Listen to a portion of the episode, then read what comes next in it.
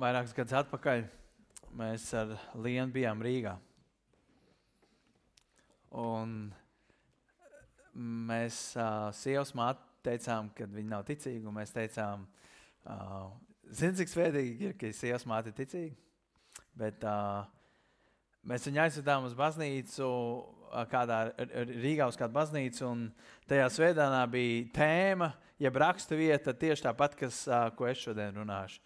Un tā rakstiet ir par kauliem, par miroņiem un dzīveslām un miesu. Un, un pēc tam, pēc dievkalpa, viņi teica, nē, nu, tas tā vienmēr tādas tēmas baznīca ir, ka runā par miroņiem un tam līdzīgi. Šī raksturvieta ir tāda ķēpīga, tādā ziņā, ka, ja, ja cilvēks ir pirmoreiz baznīcā un viņš kaut ko tādu dzird, viņam liekas, ah, prāts, tas ir normāli par tādām lietām runāt. Bet, Jūs zināt, ka dažreiz mēs, nu, varbūt nelabs piemērs, bet tautas dziesmās visādas patiesības ir un tam līdzīgi, un mēs lietojam dažādas piemērus, lai paskaidrotu kaut kādu lietu. Uh, Jēzus lietoja dažādas piemērus no dzīves, lai paskaidrotu, kāda ir debesu valstība, bet tas tā nav. Viņš saka, tas ir kā, līdzīgi kā, bet uh, tas nav tieši tā. Un tas stāsts, ja vīzija, ko mēs šajā rītā nolasīsim, uh, būs no Ecehela grāmatas 37. nodaļas, 1,14 pānti. Tā ir vecā derība, un tur ir vīzija, kur Dievs atklāja Ecehelam. Un tā vīzija tāda nesaprotama, bet caur šo vīziju Dievs grib mums atklāt kādas garīgas patiesības. Un, un, un, un tāpēc vienkārši caur to piemēru es centīšos jums paskaidrot, ko tas nozīmē priekš mums šodien. Tad 37. nodaļa Ecehela grāmatā, 1,14 pānti. Un tur ir rakstīts, ka Tā kunga roka nāca par mani, un tas kungs mani garā aizveda kādas ielas vidū, kas bija pilna ar miroņu kauliem. Un viņš man vadīja starp tiem pa klājumu šurpu turpu, un to bija ļoti daudz, un tie bija pavisam izkaltuši. Un viņš man jautāja, cilvēka bērns, vai šie kauli var kļūt atkal dzīvi? Es atbildēju, kungs, mans dievs, tu to zini.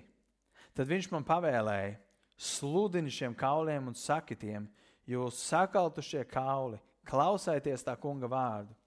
Tā saka Dievs, tas kungs šiem kauliem. Es iedvesīšu jums garu, ka jūs kļūstat atkal dzīvi.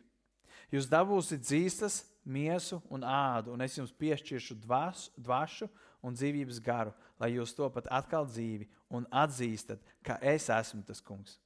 Tad es sludināju, kā man bija pavēlēts, un tur čirkstēja, kad es sludināju, un redzi, tur kustējās kauli, Uh, tur kustējās, kauli sadavās kopā cits ar citu. Un, kad es apskatījos, es redzēju, ka tiem bija dzīslas, un miesa un āda pārklātos, bet dzīvības gara viņos nebija. Tad viņš man sacīja, cilvēku bērns, sludini dzīvības garam, saki tam tā. Tā saka tas kungs, nāc gars no četriem vējiem un aptves šos nokautos, ka tie kļūst dzīvi. Kad es tā sludināju, kā man bija pavēlēts, dzīvības, dzīvības gars nāca kaulos. Tie tapa dzīvi un nostājās uz savām kājām, varen liels pulks. Tad viņš man sacīja, cilvēku bērns, šie kauli ir visi Izraēla nams. Redzi, tie šie kauli saka, mūsu kauli ir sakaltuši, mūsu cerība ir zudusi, mēs esam beigti. Tādēļ sludini un saki tiem, tā saka Dievs, tas kungs, redzēs, atvēršu jūsu kapus izvedīšu jūs un mana tauta no jūsu kapiem un aizvedīšu jūs atpakaļ Izraēlas zemē. Tad jūs atzīsiet, ka es esmu tas kungs, ja es veru vaļā jūsu kapus un vedu ārā jūs no jūsu kapiem, mana tauta. Es likšu jūsos, jūsos iet savam, svēt, savam garam, ka jūs to pat dzīvi un jūs aizvedīšu atpakaļ jūsu zemē, un jūs atzīsiet, ka es, tas kungs, to apsolīju un arī izpildīju. Tā saka tas kungs. Garīgajā ziņā mēs visi atrodamies šādā ielā. Mēs varbūt visi neesam kā šie miroņi kauli, bet mums visiem apkārt ir cilvēki, kuri ir tādi. Un varbūt fiziski viņi ir dzīvi, bet garā viņi ir miruši. Un mēs pirmajos divos pantos lasījām, tā kunga roka nāca pār mani, un tas kungs man garā aizveda kādas ielas vidū, kas bija pilna ar miroņu kalniem, un viņš man vedāja turpu šurpu, un to bija ļoti daudz, pavisam izkaltušu. Dievs Ecehielu ielika ielas vidū. Un nevis ielais vienā malā, bet pašā vidū, un tad viņš ņem un vizina viņu apkārt un, skatā, un rāda, skaties turp, skaties šeit. lai Ecehēls ierauga realitāti. Un savā ziņā, ja mēs paskatītos, un mēs izietu ārā uz liepājas ielām, mēs paskatītos nevis ar savām iesīgām acīm, bet ar garā acīm, mēs ieraudzītu to, ka daudz cilvēku ir dzīvi, bet garā viņi miruši. Viņi ir dzīvi, viņi bauda dzīvi, bet patiesībā tādā stāvoklī, kādā viņi atrodas, viņi nav miera attiecībās ar Dievu un viņi dodas. Un daudziem tas vārds nepatīk, jo kas tu tāds esi, ka tur pateikt, kurš dodas, bet viņi dodas uz ēli. Un mēs lasām, viņš man vadīja turp šurp ap klājumu, un to bija ļoti daudz un pavisam izkaltuši. Dzīvības nebija nevienā.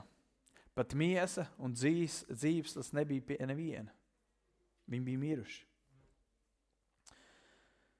Ir daudz cilvēku arī šodien mums apkārt. Mēs esam nolikti vietā un pilsētā, kur ir cilvēki, kuriem ir kauli, bet viņiem nav gars, kuriem ir dvaša, bet viņiem nav dzīvība, kuriem ir sapņi, bet viņiem nav nākotnes kuriem ir it kā viss, bet tā pašā laikā viņiem nav dieva gara, viņiem nav nekā.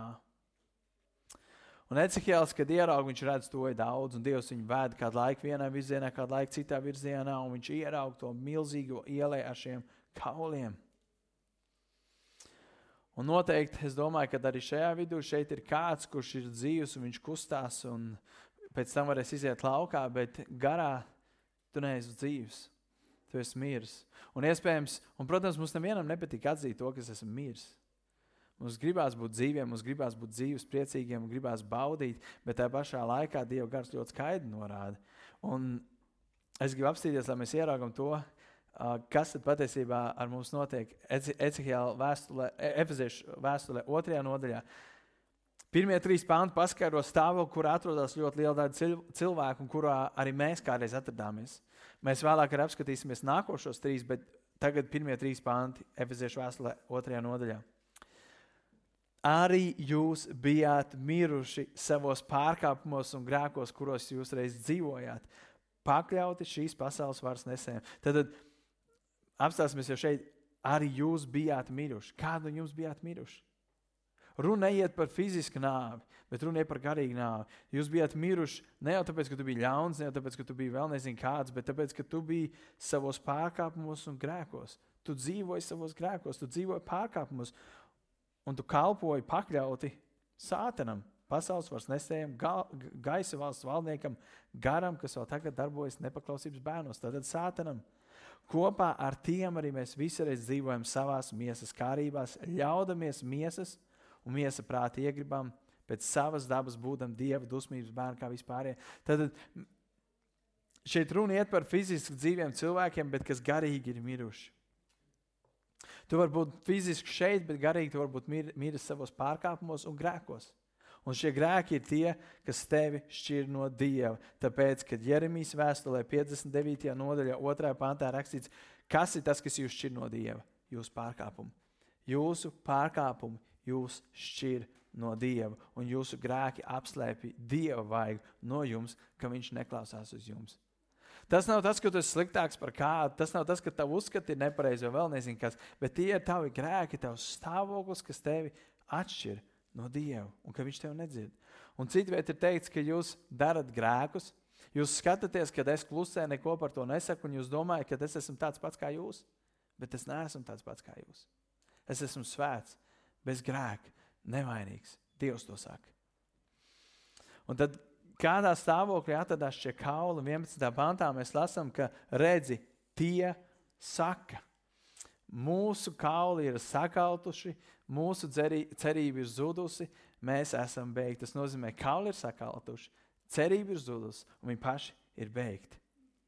Tāds ir tavs stāvoklis, ja tu esi bez Dieva. Tu varbūt var tā nejusties. Tu vari justies spēcīgs un vesels, bet tas ir tas, ko kāds ir cilvēks stāvoklis, kurš ir bez dieva, bez cerības, sakalts kauls un paši viņi ir beigti. Trešā pantā mēs lasījām, viņš man jautāja, cilvēku bērns, vai šie kauli var kļūt dzīvi? Un es atbildēju, kungs, mans dievs, tu to zini. Dievs jau zina, ko viņš grib darīt ar mirušiem kauliem, un viņš zina, kā viņš viņus grib atgriezt, un kādā veidā viņi atgriezīsies, un kādā veidā šie mirušie kauli atkal, atkal var tikt darīti dzīvi. Dievs jau to zina. Un 4. pantā mēs lasām, un tad viņš man pavēlēja sludināt šiem kauliem. Sludināt šiem kauliem un saki tiem, jūs sakautušie kauli, klausieties tā kunga vārdu. Dievs liek Ecehēlam, Dieva pravietim. Tā pašā laikā es varu teikt, tā, ja tu esi Dieva bērns, Dievs liek tev, Dieva bērnam, iet un sludināt, klausieties, ko saka Dieva vārds. Klausieties, ko saka Dieva vārds, un tad mums ir jāpasludina Dieva vārds. Un pirmkārt, Es gribu, lai mēs iztēlojamies nedaudz to, ka Recihijāls atrodas. Viņš neatrodas auditorijas priekšā, kā citi pravieši, kuri stāvēja un cilvēki diskutēja, un kādi piekrīt, kādi nepiekrīt. Viņš stāvēja miruši kā lielie. Un tur nebija neviena dzīva būtne vai dzīves cilvēks, kurš pakritīs ar galvu, pateiks, ka piekrīt. Vai kāds, kurš pateiks, Āmen, sludini, brāli. Tur bija miruši kauli. Un viņam jāpaskatās uz vienu augu, kur pusi viņš griežās. Viņš skatās, viss, kas tur ir, ir miruši kauli. Un, un ne jau vienkārši cilvēks skeleti, bet visādi izbērti, visādīgi. Un iedomājieties sev, ka Dievs tev teikt, ej uz centrālajiem kapiem un sludini. Tu paskaties, tur viena tante, kas vāc kapus, un otra tante, kāds sēdnieks. Un tagad tu tādā puspaceltā balsī sauktu kapī ceļieties augšā, atveraties. Ne, kā tu justos, vai tu spētu to darīt? Es domāju, tas būtu ļoti nērti, jo tev liktos, nu, Dievs, te neviena nav, te visi miruši, uz ko studināšu. Nerēt mums ir jāapskatās uz pasauli, nevis ar mūsu acīm, bet caur Dieva acīm. Pagājušajā sēdē mēs dziedājām dziesmu, lai man par to, par ko tev sāp. Dažreiz mums ir jājautā Dievam jālūdz Dievam, Dievs lūdzu parāda par to, par ko tev sāp sirds. Dievs dod, lai man sāp par to, par ko tev sāp sirds. Un es ticu, ka daudziem no mums būtu šoks par to, ka tas, kas man sāpēja, patiesībā Dievam nav svarīgs. Un tas, kas, par ko es biju vienaldzīgs, īstenībā izrādās Dievs ļoti, ļoti par to rūpējās. Ecehēlam bija nepieciešama ticība Dieva vārdam, okay? ticība Dieva vārdam un tad paklausība Dieva vārdam. Viņam bija jānotic, ka tas dievvvārds, kur viņš sludinās, ir dzīves vārds un jāiet paklausībā un jāpasludina šis dievvvārds. Un es domāju, ka katru no mums ticīgiem tas pirmkārt var iedrošināt to, vai es klausu Dieva vārdam, un es paklausu un es atsaucos, tad, kad Dieva gars man aicina sludināt. Bet tajā pašā laikā varbūt tu fiziski, fiziski šodien esi šeit, tu dzirdi to vārdu, vai arī varbūt tu klausies vēlāk ierakstā. Un, ja tu neesi vēl izsūdzējis savus grēkus Dievam, un tu neesi saņēmis atdošanu, tad tev ir jādzird Dieva vārdu, kur te sauc, nāc pie manis, es tev gribu atvieglināt, nāc pie manis, es tev gribu piedot tavus grēkus. Jo redziet, pirmais nosacījums, lai tu kļūtu dzīvs, tev ir vajadzīgs kāds, kurš tev sludina vārdu. Tev ir vajadzīgs dzirdēt Dieva vārdu. Savādāk nav iespējams kļūt ticīgam. Tālāk, 5. un 6. pantā mēs lasījām, tā saka tas kungs šiem kauliem. Es iedvesīšu jums garu, ka jūs kļūstat atkal dzīvi. Jūs dabūsiet dzīslas un miesu un ādu, un es jums piešķiršu dvašu un dzīvības garu, lai jūs to pat atkal dzīvi un atzīstat, ka es esmu tas kungs. Dievs apsola tevī iedvest dzīvības garu, dzīvības dvašu, lai tu kļūtu dzīvs, un pats galvenais, klausieties, lai tu atzīsti, ka Dievs vienīgais ir kungs un ķēniņ, ķēniņš. Ka tev nav cita glābēja un cita dieva bez Jēzus Kristus, bez kunga dieva.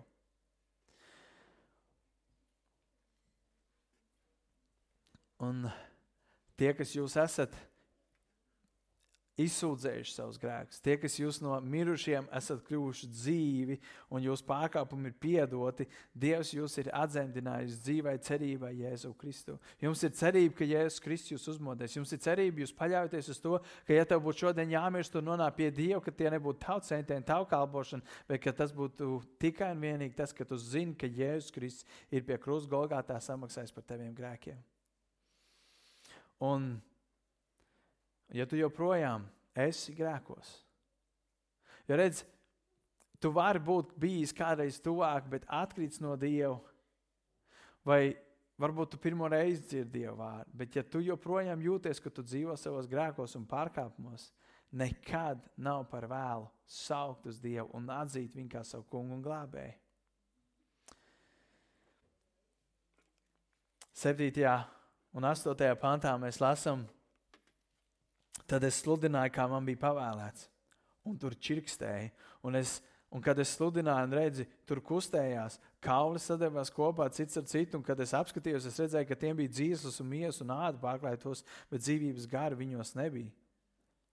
Dievs teica Ecehēlam kādas konkrētas lietas, ej un sludini šādi.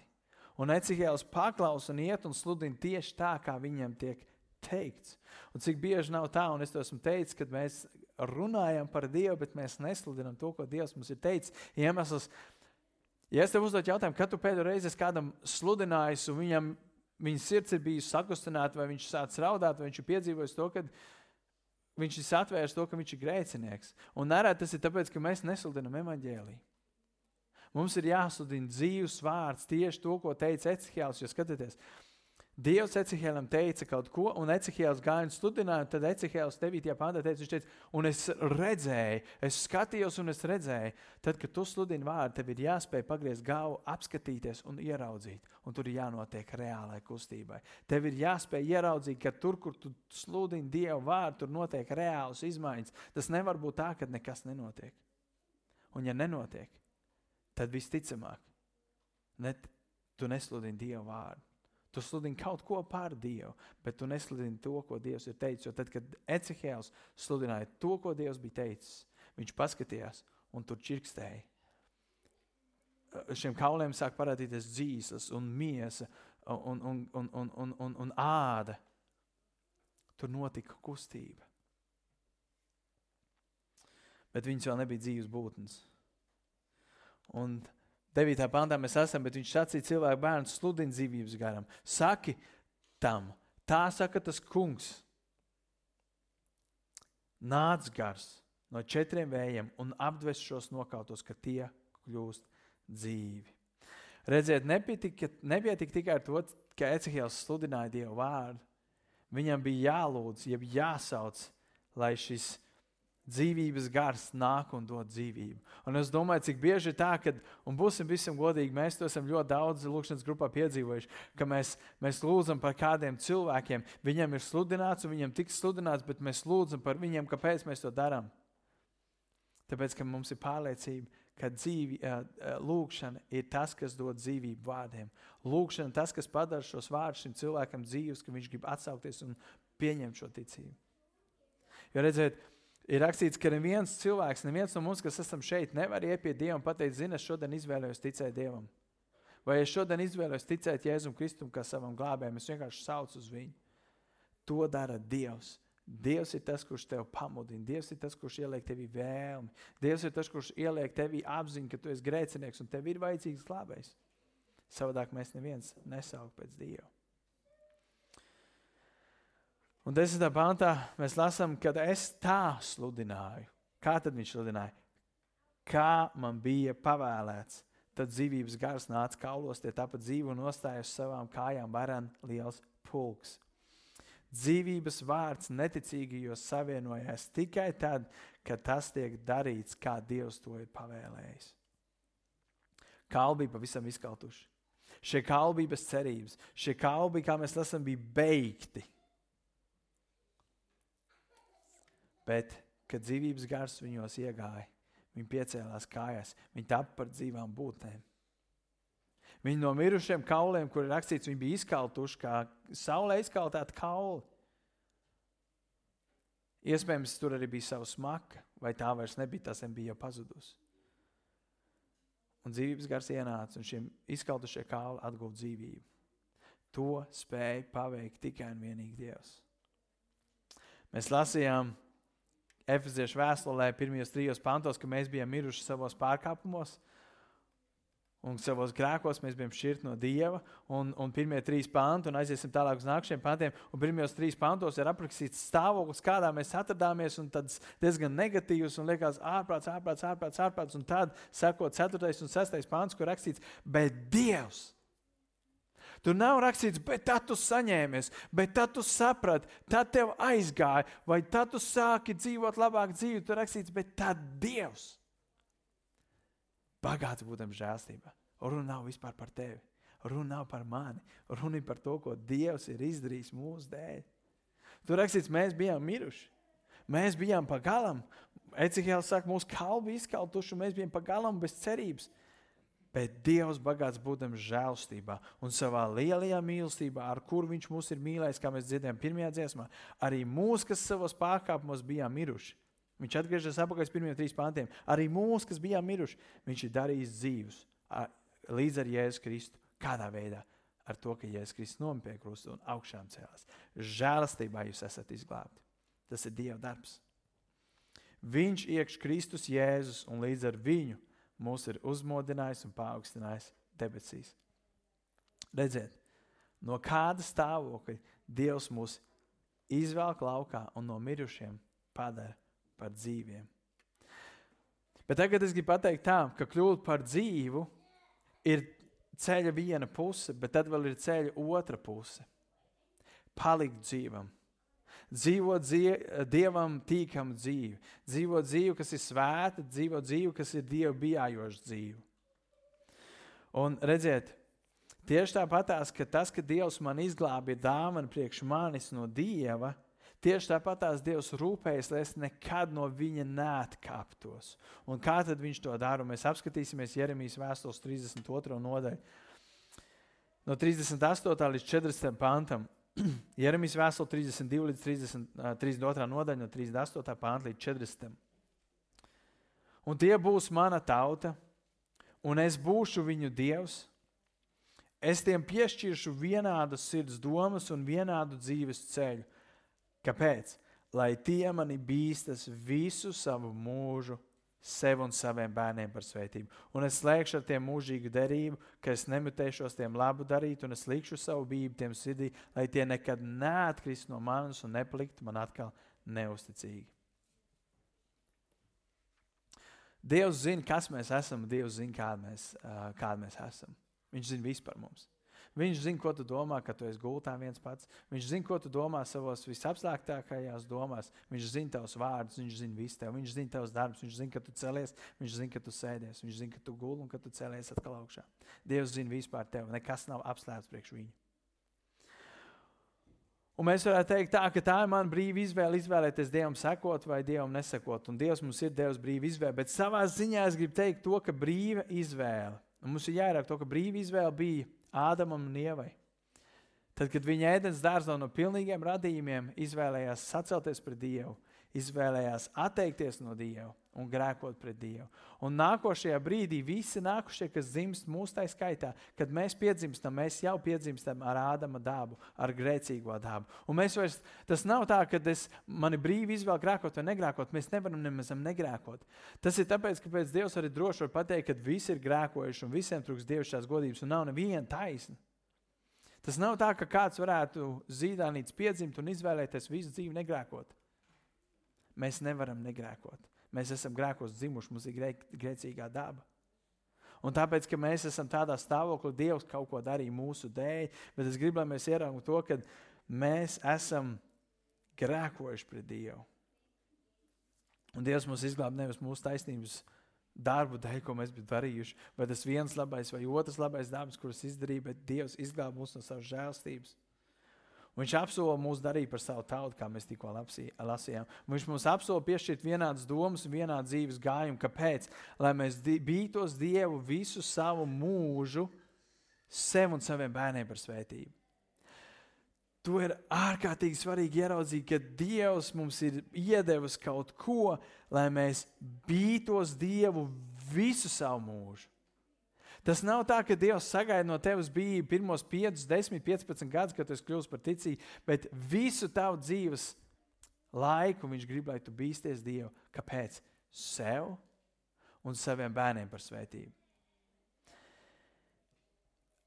Salmu pamācībās mēs esam to, ka visas gudrības sākums ir kas? Dieva bijāšana. Tieši tā. Visas gudrības sākums ir Dieva bijāšana. Tātad Tas ir tas, ko Dievs dāvā saviem bērniem - bijību Dieva priekšā. Lai pirmkārt tas ir par svētību tev, un otrkārt, lai tas ir par svētību taviem bērniem. Es redzu to, ka it kā ticīgie saviem bērniem vēl daudz ko. Viņi saviem bērniem vēl kaut kādas lietas, un viņi vēl, lai viņiem izdodas, lai viņiem būtu labas izglītības, lai viņiem tas, ko Dārvids teica savā liecībā, lai būtu laba māja, lai būtu labs bizness. Un tās nav sliktas lietas, un mēs gribam, lai mūsu bērni ir sekmīgi, veiksmīgi un tam līdzīgi. Un, un, un, un es redzu to, ka daudz vecāku savus bērnus ir padarījuši par alkiem. Viņi skrien pakaļ, viņiem priekšā pakaļā izdevā pilnīgi visur. Un tad viņi brīnās, kāpēc viņi nevēlas iet uz draugu, kāpēc viņi nevēlas lasīt Bībeli un kāpēc viņi nevēlas sekot Dievam. Tāpēc pirmkārt, tev pašam ir vajadzīga bība Dieva priekšā, lai tu varētu iedot savam bērnam bību. Jo tu vari iedot otram tikai to, kas tev ir pašam. Ja tev nav bība Dieva priekšā, tu nevari bērnam iedot bību. Un ja tu māci savam bērnam, kā izdzīvot šajā pasaulē, kā nopelnīt, kā iegūt labu izglītību, un, bet tu neiemāci viņam acis turēt uz Jēzu Kristu, tad tu kā vecāks savā uzdevumā esi izgāzies. Tev ir jāmāca savam bērnam dieva ceļus, un tad viņš no tiem neatstāsies, kad viņš būs vecs kļuvis.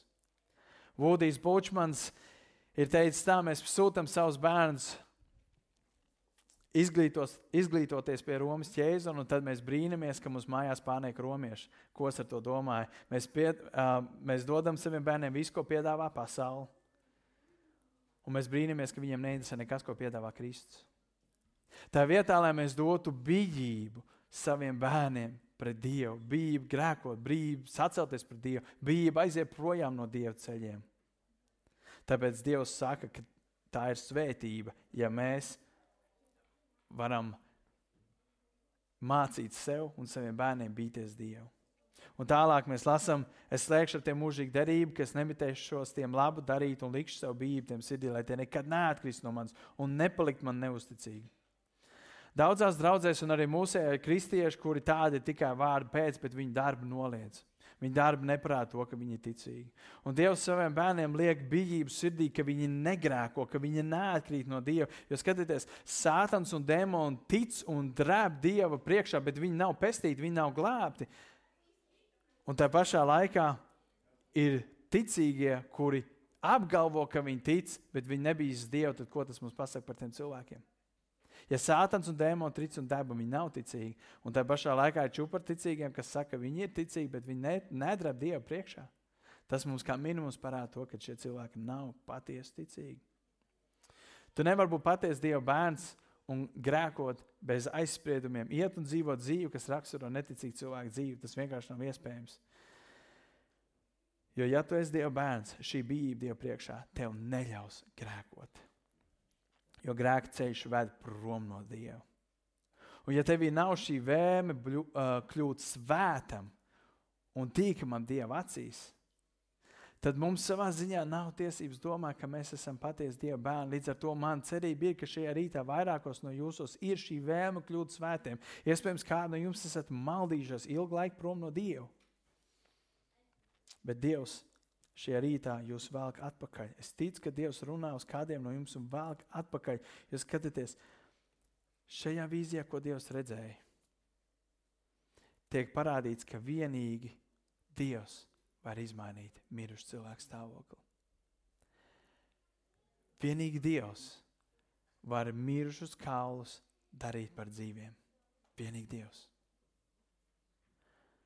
Pat cilvēks, kurš ir kā izkalts kauls, bez cerības var tikt darīts dzīves Dieva spēkā. Un es šorīt vēlos, ka mēs ieraugām savu patieso stāvokli. Ka mēs ieraugām, ko Dievs grib darīt jūsu dzīvē, ka mēs ieraugām, ka mēs esam pazuduši, ka mēs esam miruši savos grēkos un savos pārkāpumos. Un es ticu, ka kāds no jums Dievs aicina atpakaļ. Kādiem, iesp kādiem iespējams ir jāatgriežas atpakaļ pie Dieva? Kāda no jums varbūt bijāt dzīve, bet jūs esat gājuši prom no Dieva? Bet šajā raksturvietā ir rakstīts, ja tu esi patiesa Dieva bērns, viņš tev liks bijību, ka tu nekad neatkāpsies no Dieva. Tu nekad neaizies projām no Dieva. Tev būs iekšā kaut kas, kaut kāda vilkme, kas tev vilks atpakaļ pie Dieva, un tas ir šis dzīvības gars.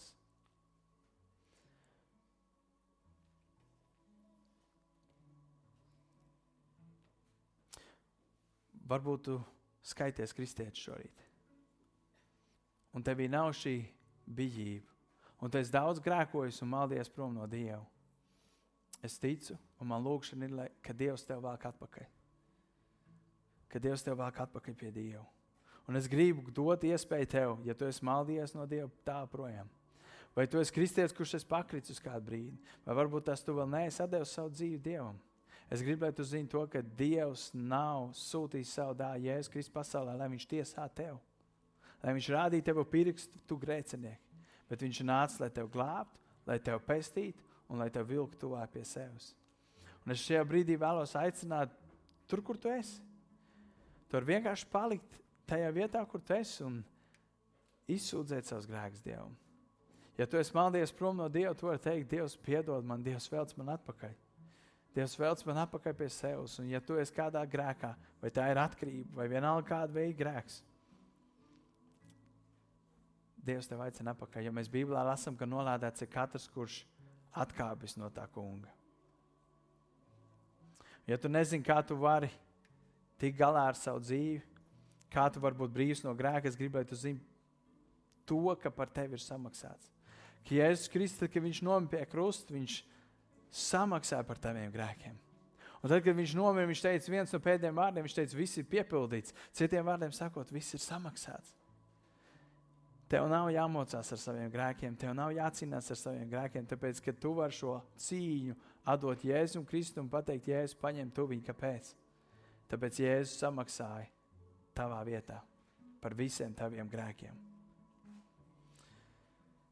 Tev var tiesāt tavu grēku, tavu pagātni, tavas atkarības, tavu vecā dzīvi, un tev var tiesāt sātans. Bet Jēzus Kristus ir nācis, lai tevi atbrīvotu, lai tu būtu brīvs no grēka, lai tu būtu dzīvs Dievam, lai tiktu darīts brīvs, kurā plūst Jēzus Kristus dzīvība. Tāpēc, vai tu esi Dieva bērns, kurš ir pakritis kādos grēkos, vai tu esi Dieva bērns, kurš ir nomaldies tālu prom no Dieva, vai tu esi Vēl neticīgs cilvēks šajā brīdī var saukt uz Dievu. Dievs, esmu grēciniekam žēlīgs. Es daudz ko nesaprotu, bet esmu grēciniekam žēlīgs. Un, ja tu būsi grēkojis, visi tavi grēki tev tiks piedoti Jēzus Kristus vārdā. Ne pēc taviem nopelniem, bet pēc Dieva nopelniem.